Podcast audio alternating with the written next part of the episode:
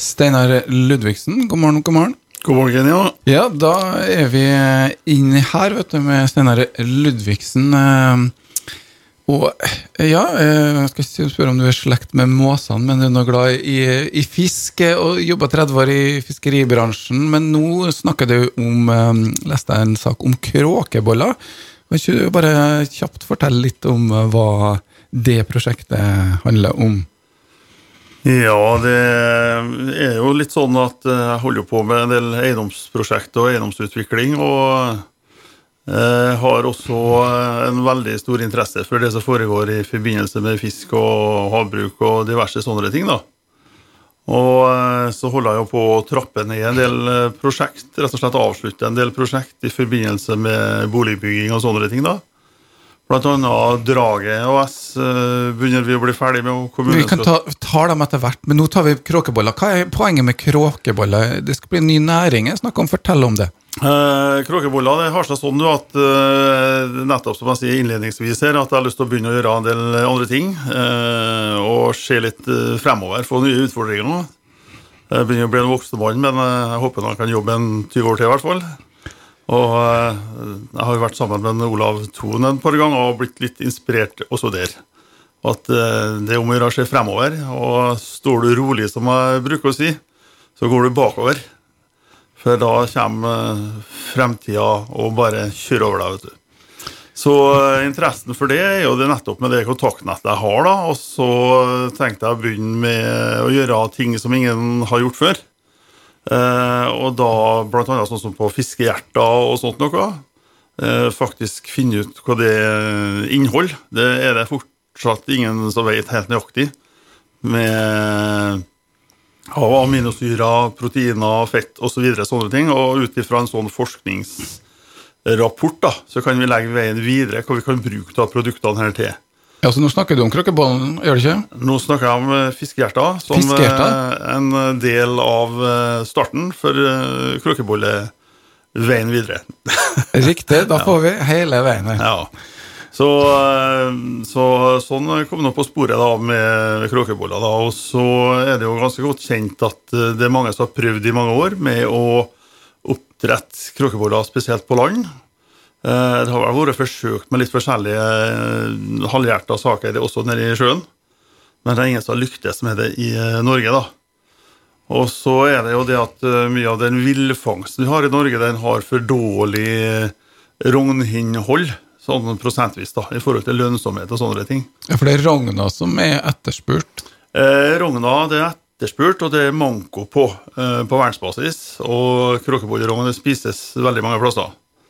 Eh, det har jo vært gjort, og det gjøres forsøk nå eh, med å ta kråkeboller fra Troms, eh, kjøre dem ned til Stavanger og fòre dem opp, da, som er under eh, forsøksperioden fortsatt. da. Men eh, i tillegg til det, da, så er det jo Kråkebollerogna er jo faktisk bare en 15-10-15-20 av kråkebollen, da. Og da lurer jeg jo på hva man kan bruke resten til. Og det er det heller ingen som har forska på enda, da.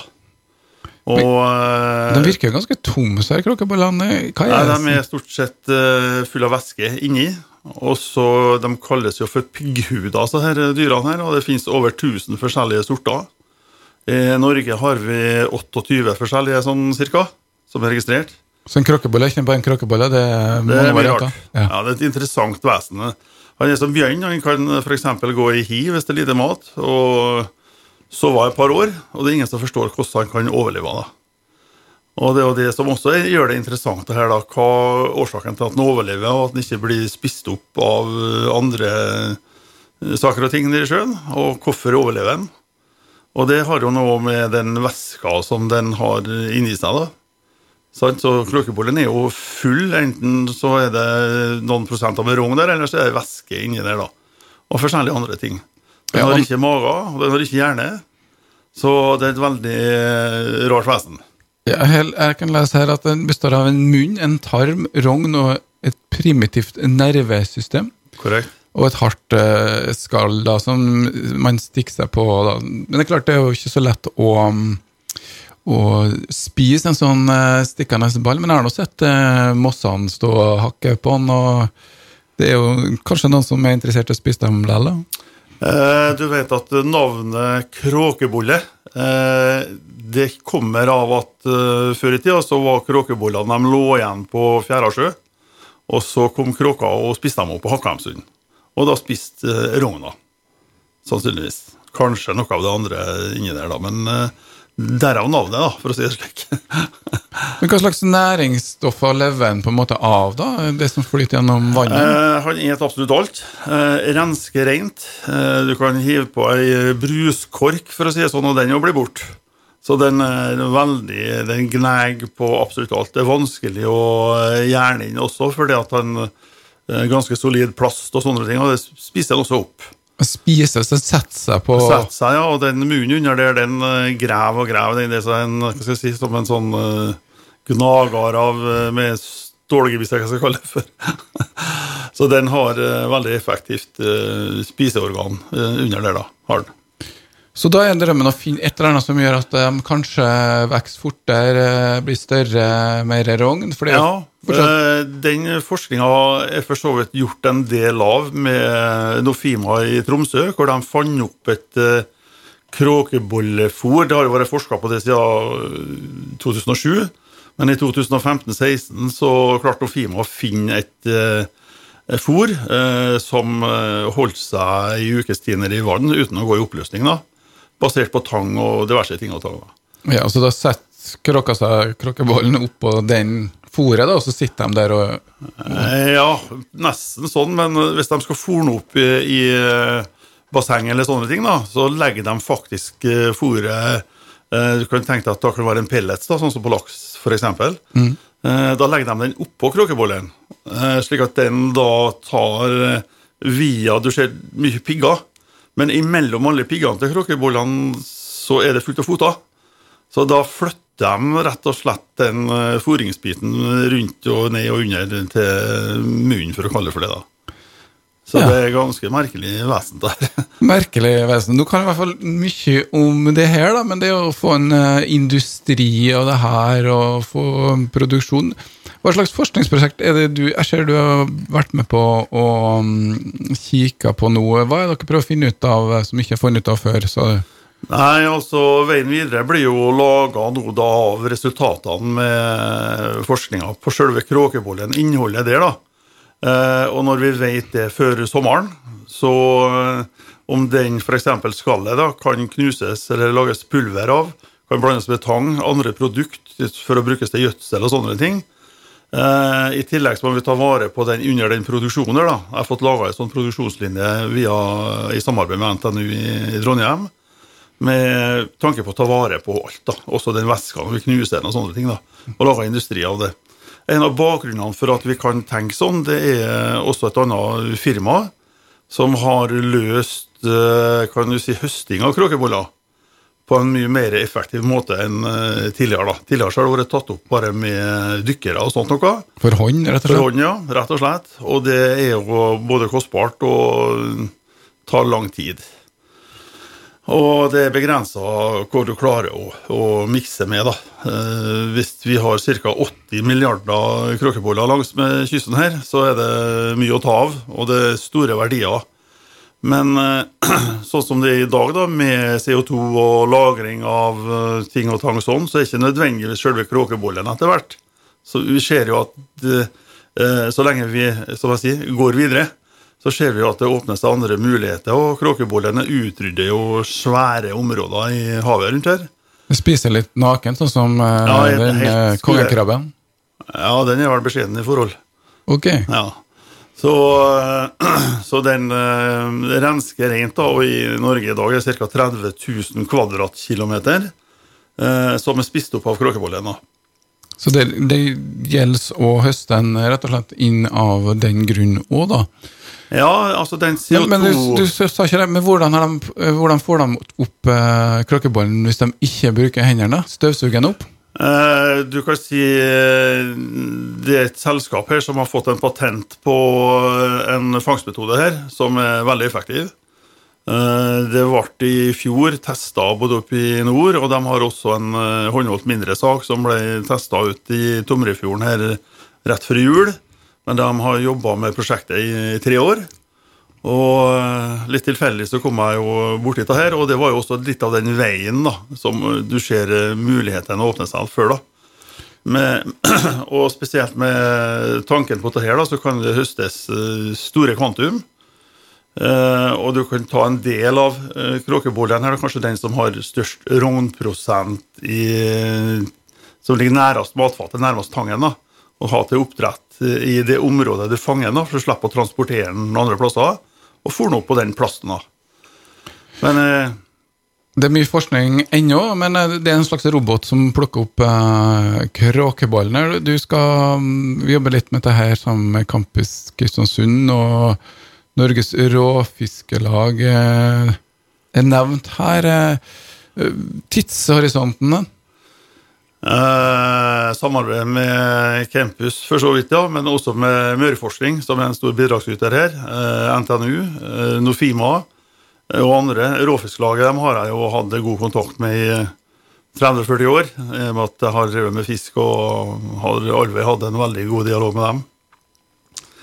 Og eh, i tillegg så er det jo mange andre også, da, som kommer på banen her. Du har jo sånn som NIVA her nå, eh, som Norsk institutt for vannforskning. Eh, de har jo også holdt på med dette, og der eh, finner jeg jo en del tall eh, som er veldig interessante. Eh, jeg prøvde før jul å finne ut eh, via NTNU oppe i Trondheim om de hadde noen som kunne prøve å beregne verdien av eh, en normalt habitat for tang. da. Altså sånn som det lever med sei, torsk og krabbe og alt nedi der. Hvis den får leve sånn ja, normalt, da, uten at vi høster tangen i det hele tatt. Eh, og da får vi jo plutselig noen artige tall, eh, som jeg oppdaga her at NIVA hadde eh, til en viss grad. da. Ikke helt nøyaktig, tror jeg, men ganske rundt bra. Eh, og det er jo sånn at eh, når tangen blir spist opp, så tar den jo eh, seks år ca. før den kommer tilbake igjen. Og det tar fire år til eh, før det normale habitatlivet kommer. Altså ti år, da, tar det. Og et sånt regnestykke de har laga på ta, så er det 15 millioner kroner er det verdt per kvadratkilometer. Sant? Med tang? Eh, nei, med et normalhabitat. Altså hvis alt får leve inni der. Og vi høster det på naturlig vis. Altså vi fisker torsken, seien, krabben og sånne ting. da. Ja. Eh, mottatt mot at det borte, da. Sant? Det er riktig, hvis- så det bevarer tangen og, og Ja. naturlige Ja. områder. Ja. Men da burde vi jo egentlig stemt ja til å bevare de områdene som eh, fylkesmannen foreslo utenfor Kristiansund og Smøla, da. Ja, absolutt. Eh, Det er litt artig at du sier det, for, eh, for to-tre år siden så var jeg i kontakt med han Osen, da, Ovesen, som da var ordfører på Smøla, og også Tusen og Aure kommune.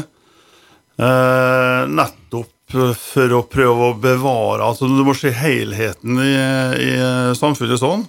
Og det er klart at turistnæringa som vi har, Eh, Den er jo vesentlig større enn fiskerinæringa. Eh, Jeg tror i fjor så omsatt eh, norsk fiskerinæring for 115 milliarder. Inkludert laksen. Ja, ja. Totalt alt som ble eh, omsatt. Eh, mens turistnæringa er omregna altså med flybilletter, you name it, alt som foregår, så er i hvert fall over dobbelt så stor. Og den øker betraktelig fortere. Kanskje ikke nå akkurat i disse covid-tider, men eh, under normale omstendigheter så vil jeg gjøre det. Folk vil jo ha mer natur og komme seg ut. Jeg har erfaring med det gjennom uh, fiskeribransjen. Jeg har holdt på på Sørvær. For Der uh, tok vi over et konkursbo og fikk bygd opp til en veldig god bedrift som eksisterer en dag i dag. da. Vi skal høre mer om dette her, vi kunne nerda skikkelig på Krakkepolla, men jeg tror vi har fått eh, litt sånn eh, overblikk på, på den biten nå, så det her er litt eh, utvikling. Vi skal ha en liten reklamepause nå, og Steinar skal være med videre nå, for vi skal høre litt om eh, også fiskeribransjen, og ta den tråden som egentlig han sier spiller over til de som er så glad i å sprenge bort Freikollen og ødelegge natur i nærområdet. Turistnæringa er faktisk eh, større enn fiskeribransjen allerede. Så det bør være litt eh, nærmiljø og gode oppvekstvilkår, og ikke minst naturen. Det er kanskje en investering som mange forlører seg i kroner og øre. Vi er fortsatt med her eh, i studio i KSU247. Vi har en uh, pratsom, uh, veldig detaljert kunnskap om kråkeboller nå, men det handler om natur og nærmiljø. Du nevnte at du har jobba over 30 år i fiskeribransjen. Steinar Ludvigsen, hva, hva, har du jobba med der? Bare sånn oppsummer for oss. Nei, oppsummeringa av 30 år der, du, den det har ikke tida men vi kan ta en kort versjon. ja. Eh, det begynte jo egentlig med på, i byen her eh, med at jeg var utlært pølsemaker. Eh, og kjøpte jo etter hvert også mitt eget pølsemakeri på Goma. Hadde fiskeforretning på Goma og nede på kaia i Torvhallen. Og i Molde sammen med Berge Jacobsen. Pølser og fisk? Eh, Pølser og fisk. Ja. Og så forandra seg å ta markedet og sånne ting. da, og eh, Kjøttbransjen ble jo mer industrialisert og større enheter og sånne ting. Og da satt du jo igjen med mye produksjonsutstyr og måtte finne på noe. Og da ble det å dreie det over til å begynne å lage fiskemat og fiskeprodukter og salater og mye sånne ting. Og tang da. Og det var vel litt sånn starten til at det ble mer fokusert på fisk. da. Og så når du for på distriktet her og kjøpt eh, fisk av industrielle, eh, dem som driver og tok imot og sånt, og laga filetene. Så ble du kjent med folk, da, og sånn som Edvin Sivertsen på Vevang en gang i tida. Så begynte han å jobbe for dem da i tillegg, eh, og med salg, da. Og da begynte vi å komme bort i store utland, sant, med Sverige og Tyskland så videre etter hvert. da. Og så havna jeg vel på Traff en kjempekar som heter for Jan Augsnåg på uh, Averøya. Og uh, vi ble enige om at vi skulle finne på noe, da. Og det gjorde vi, og starta Averøy sjøsenter, tradingavdelinga der. Som da gikk veldig bra. og Da begynte vi å kjøpe trålere og større fangster. og Det ble bygd opp en stor fabrikk der, Ia Larsen, som var Norges mest moderne den gangen, med 70-80 ansatte. Uh, og den uh, gikk nå vel for så vidt ganske greit, men vi sleit jo litt med hva skal jeg si, ja, lokalt kontrollverk og sånne. Eh, vi produserte jo til verdens største matvaregiganter, eh, som heter for Unilever. De er størst den dag i dag. Eh, og etter deres spesifikasjoner, da. Vi hadde eget laboratorium og alt mulig, men det var ikke bra nok til lokalt hva skal jeg si, kontrollverk. Så vi kunne ikke ta imot fisken her en gang heller. Vi måtte ta den i Ålesund, for der ble den godkjent. Og kjøre den på bil på Averøya her, og det ble uholdball. Det ble ikke så lett å holde på med det etter hvert, da, pga. Eh, lokale ting og tang. Eh, og så ble det jo videre da med tradingavdeling, hvor vi kjøpte fisk eh, og lossa trålerne rundt omkring, enten det var i Danmark, Egersund, Bergen, Ålesund, Averøya. Så vi gikk over da til å leie tjenestene da, etter hvert. Vi bygde opp også en uh, filetbedrift inn på Rensvik, uh, der, hvor vi var 108 ansatte med fagbrev og diverse. da. Der pakka vi både makrell, sild, laga ferdigvarer og diverse mye sånt. da. Basert på uh, stort sett trålindustrifisk, da. Som vi klarte å få en veldig god kvalitet ut av. Men det er jo ikke så mye fisk bransjen ennå? Er du med? Har du noe eierskap? Nei, nei, jeg har ikke noe eierskap, nei, men jeg følger jo med og har fortsatt uh, kontaktnettet, for å si det sånn. Så uh, hver nyttårsaften eksempel, så er en av de største kundene mine i Holland, dem snakker vi med da. For å litt sånn. Og den, så dørene er jo på gløtt, både der og England og forskjellig, da. Så det var ikke veganismen som gjorde at du slutta med pølsemakernæringa. Altså, men du har jo gått over til mer eiendomsutvikler, i hvert fall de siste 20 årene. Ja. Når var det det kom inn? Tjente de så mye penger på fiskebransjen? Nei. At investere? Nei.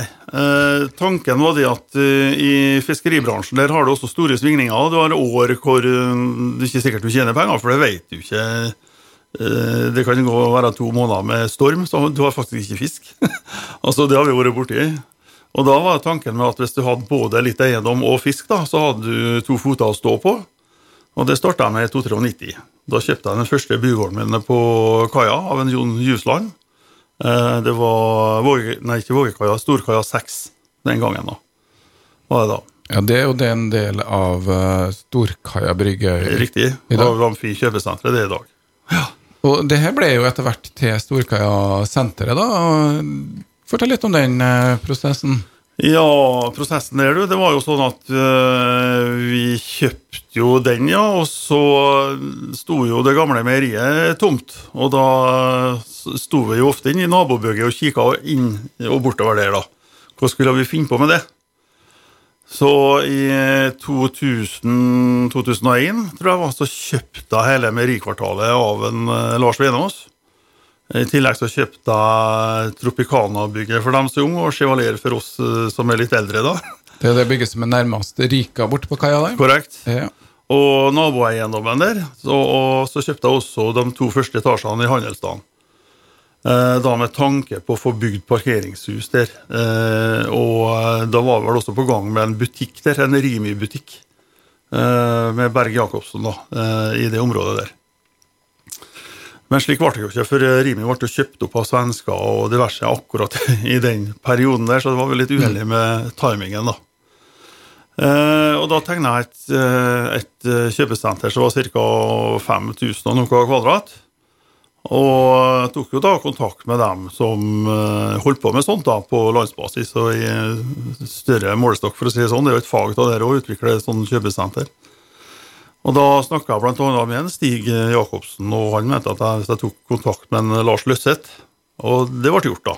Han kan uh, storsenter eller kjøpesenter? Det kan han, vet du. Og da ble det litt fart på saken, eh, og etter hvert eh, da altså Storekaia brygge. Hvor mange kvadratmeter ble jeg til slutt med kjøpesenter? Uh, den gangen så var det sånn 15 000-16 000 kvadrat. Men jeg må også si det at det vi klarte, da, var jo å få med alle de andre gårdene bortover. Og det var jo ikke bare jeg som var med å bidra sånn sett, da. Men jeg skulle være i hvert fall med og dro i gang og skapa ideene sånn. Og hadde mesteparten av arealene i startfasen her, da. Men hun hadde jo bare sånn som Øyvind Rød, som revisor, som var med der. Geir Kvande. Eh, og han, eh, Ivar K. Iversen var jo med og dro i gang til å begynne med da, for han eide jo naboeiendommen med Helofsen. Og så kom han vel kjøpte seg vel inn der han torsker, etter hvert. Og ja, Så det var nå liksom gangen i det, da. Uten å gå så detaljert til verks. ja, 15 år siden det sto um, klart, da. Um, i hvert fall var det det Ja, det var faktisk 15-årsjubileum 11.11. i ja, 11. 11. Ja. fjor. Så, ja. Men eh, sentrum av Kristiansund eh, Det er, begynner å bli litt tomme bygninger bortover på andre sida på kaia også. Er det noe å finne på der, da? Kan man ikke gjøre det samme der?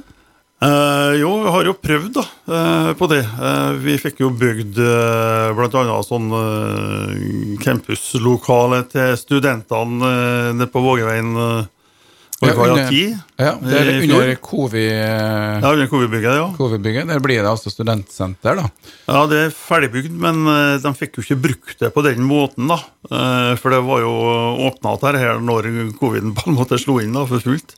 Ja. Ellers har vi jo bygd om Fosnagata 1 der. Eh, for jeg kjøpte jo eh, Vågeveien 8 og 10, som vi holdt på å, bygge på, skal jeg si.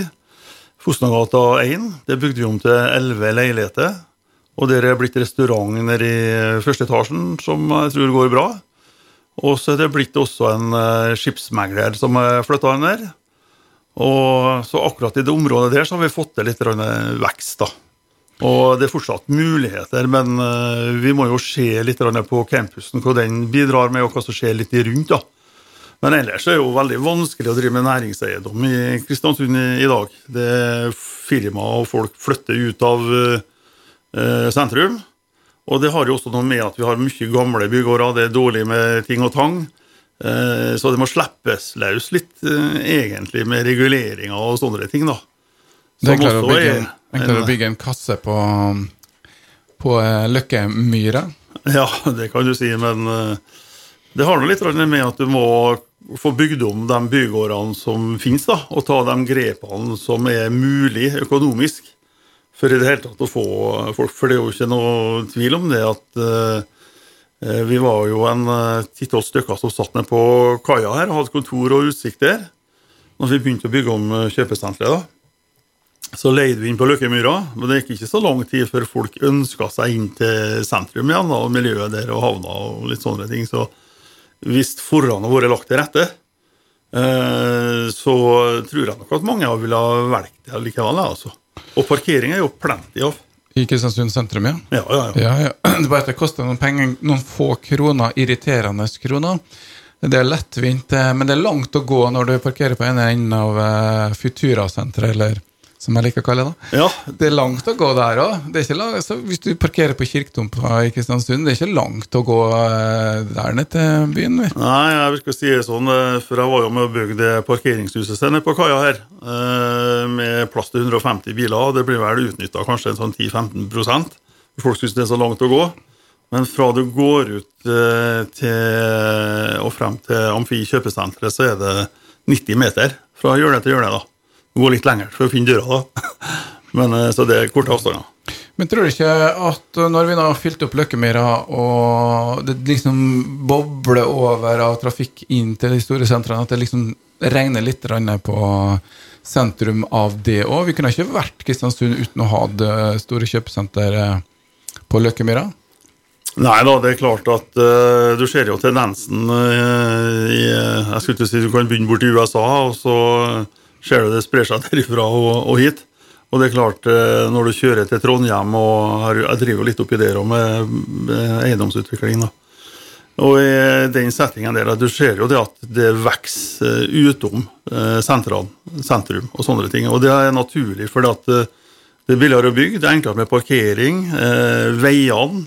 Altså det er mange sånne ting da, som slår inn, og det vil bare forsterke seg.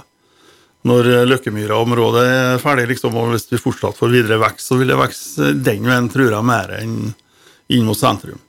Så sentrum var mer enn kanskje om til boliger og, og sånt noe. Litt mer bokvalitet. eh, Men det hadde vært artig med en liten sånn eh, inn, gate inni alle husene bortover kaia der, i, Ja. ved le for vær og vind og Ja. Det er faktisk et område som går fra Baksgram skal du si, og Haugata der, som jeg eh, kaller for det gjerne sånn grønnlomme bakom. Som vi hadde tegna en, en gang, da. Som det gikk an å gå bak der, da. Og inn og ned til kaia og sånne ting, da. Og da kunne det være bak der, og oppover kunne det være leiligheter og boforhold som ville vært ganske bra. Og så har du måttet beholdt kaia nedpå til forretnings- og vrimleområde og sånt, og gjerne åpna i bakkant sånn at du kunne gått, eller du kunne kledd over fortauet, da. Ja, så du fikk Ja. i hvert fall tak over fortauet, ja. Ja, det, Ja, det tror jeg ville vært bedre, fordi at uh, så snart du lager senter sånn, så kler de ofte igjen vinduene ut mot gata, for det skal jo brukes til lagring, reklame osv. Men nettopp den opplevelsen med å gå langs med kaia og Vågen og, og ta Jeg vet i hvert fall med meg sjøl at hvis jeg er i Oslo, så skal jeg jo gå på Aker Brygge og se på båtene og sjøen og det livet der. Og det er likedan med i Bergen eller Trondheim, og det går igjen, altså. Få begge deler, ja. Ja. Men det krever jo litt samarbeid av gårdeiere, eller kanskje også noe tvunget samarbeid, eller eh, hva tror du står i veien for det? Ja, det burde kanskje komme inn en eh, større aktør da, som kunne ha tatt eh, skikkelige grep. Og for hver for oss og mange Vi tror jeg skal ikke snakke for alle, men det er veldig krevende å løfte sånne store prosjekt. Og eh, da tror jeg vi må ha med noen mer profesjonelle som tar tak i hele systemet, for å si det sånn.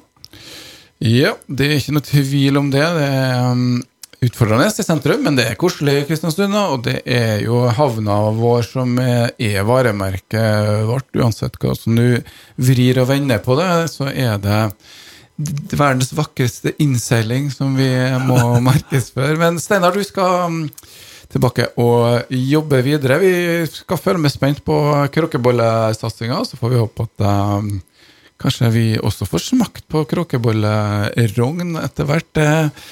Steinar eh, Ludvigsen sitter her eh, ennå og blar i notatene sine. og eh, Jeg tror nok det sitter mest Han har det nok klart. Du har snakket, nevnt for meg her i pausen litt om eh, fiskeriturisme kontra det med å drive med sånn næringsfiske. Fortell litt om verdien av skulle si, havbunnen og det miljøet vi har rundt oss, kanskje også med utgangspunkt i tanganalyser som du hadde tidligere. Eh, ja, vi har lagt inn en par ord til med tangen, fordi at uh, Som jeg sa, at det er ca. 30 000 kvadratkilometer som er spist opp. Og CO2-verdien i det her er jo helt uh, enorm. Det er mange milliarder vi snakker om. Ikke sånn fem-seks, men det er noen hundre milliarder. Som fanger opp CO2-en, Ja, rett og slett? Ja, sant? Og Tangen den lagrer jo seks ganger mer CO2 enn skogen. Regnskog eller skog, det er på land. Det, så havet 70 av jorda er jo hav. Og da kan du jo tenke deg hva som blir lagra der, og det er det som er grunnlaget for eh, mye av eksistensen skal du si, med CO2 og sånne ting. da. Eh, bare for å ta her i, i Norge, da, for at eh, eh, når tangen kommer tilbake igjen, eventuelt, eh, så vil den lagre dobbelt så mye som hele Norges landareal med CO2. Men sier at du ikke skal drive med sånn høstetang og Ja, det er nesten eh, sånn at eh, du ser det med fylket nå, som holder på med, med forske på tangoppvekst eller dyrking av tang i fjordene, Talgsjøen osv. for å finne mest effektive måtene. Så jeg tror nesten det vil være en vinn-vinn-situasjon for eh, fremtida, ja. Absolutt. Så egentlig det du sier nå, satt på spissen, så må jeg selvfølgelig ettergå litt tallene her. Så kunne man eh, fortsatt pumpa opp olje ut i havet og latt tangene gro. Men det er litt satt på spissen, da. Nå må vi balansere. Men uansett, du nevnte litt det med fisketurisme. Og det er blitt færre og færre fiskere som lever av det, men det kanskje kunne vært flere som levde av fisken likevel? Ja, jeg tror jo det med å ivareta eh, områder rundt omkring her eh, Det skulle egentlig vært lost av, satt av områder til turistfiske. Men så kunne det vært regulert på en sånn måte at de ikke får lov til å ha med seg 20 kg filet hjem, f.eks. ut av landet. da. Men at de får spist den fisken de kan spise i dag, og ikke i morgen heller, for da må de ut og fiske igjen. For det skjer noe med en, eh, en turist når han får en svær essay? Ja, da kommer han tilbake igjen. Eh, Det er en opplevelse for veldig mange. For oss er det jo vanlig, sant? vi tenker jo ikke over det. Men for dem er det en stor opplevelse å få en dass bort, som vi bruker å si. For mange. Det har jeg vært med å se hollendere som har vært der. sant? De er vant til å stå i dikene sine og ser fem centimeter og fiske ti centimeter små et eller annet rart. Men eh, poenget der er jo det at med turistnæringa igjen, da eh, Hvis du har begrensa si, yrkesfangst i områder, sånn som vår snakka om vestsida på Smøla, Edefjorden og store områder rundt her, så ville vi ha kunnet bygd opp ei eh, turistnæring. Hvis du har hatt f.eks. utleie av båter, kunne hatt bedre båter, du kunne hatt eh, en, mer oppfølging, slik at du slipper ulykker med turistene som drukner og sånne ting, og fått et mer profesjonelt opplegg rundt det. da. I tillegg så kunne det også vært eh, på gårdene og rundt omkring i bygdene her, at de kunne ha drevet med litt turistutleie og sånne ting, og helt litt liv i bygdene. Samtidig som at for dem som eh, bor der, da, kunne faktisk ha forut på og fått seg en fisk. Eh, nettopp for å ha den bokvaliteten eh, her vi bor, da. Ja, og det er jo, Apropos det, så er det jo um, Tidenes sesong har vært på Veiholmen uh, i fjor, da, med turister, og de vurderer da å fjerne litt biler og sånne ting. Men det her er en trend som kanskje um, forsterkes. Uh, nå blir det mindre reising kanskje Ja, ja. uh, fra Kina, men vi har jo masse norske turister som kommer hit også, og blir kanskje mer kortreist fra Europa. Så, så turistnæringa er jo da uh, er absolutt levende. eh, Hva er veien videre for eh, Kristiansund og, og turistnæringa og sånne ting? Ser du for deg noe der? Det er jo, skal man da legge bomiljø for å, å få litt industri, eller noen eh, fra Kina til å bore ut på store hav etter noen metaller, eller skal man satse på turistene og turistnæringa her i Kristiansund òg? Ja, Jeg tror nok vi må gjøre begge deler. Men sånn langsiktig så er nok eh, turistnæringa altså Det er jo evigvarende. De regna på torskens verdi en gang i tida eh, i forhold til oljen. Og da hadde torsken 40 000 ganger mer verdt eh, enn eh, oljen. Altså, kommer igjen for at det, kommer og kommer, det blir nytt hele tida. ikke sant? Så lenge du tar vare på de substansene som vi har i naturen sånn, og tar vare på det, så er det jo evigvarende, og vi forvalter det på en riktig måte med sånn som CO2 og alt det her som er inn for tida. da. Så å ha mer og mer fokus på det også i næringssammenheng, det har jeg absolutt tro på. At det er veien å gå. Så alt det som vi ser er svart hav, mørkt hav, der finnes det mange skatte, skatter rett og slett i naturen, sånn som man står.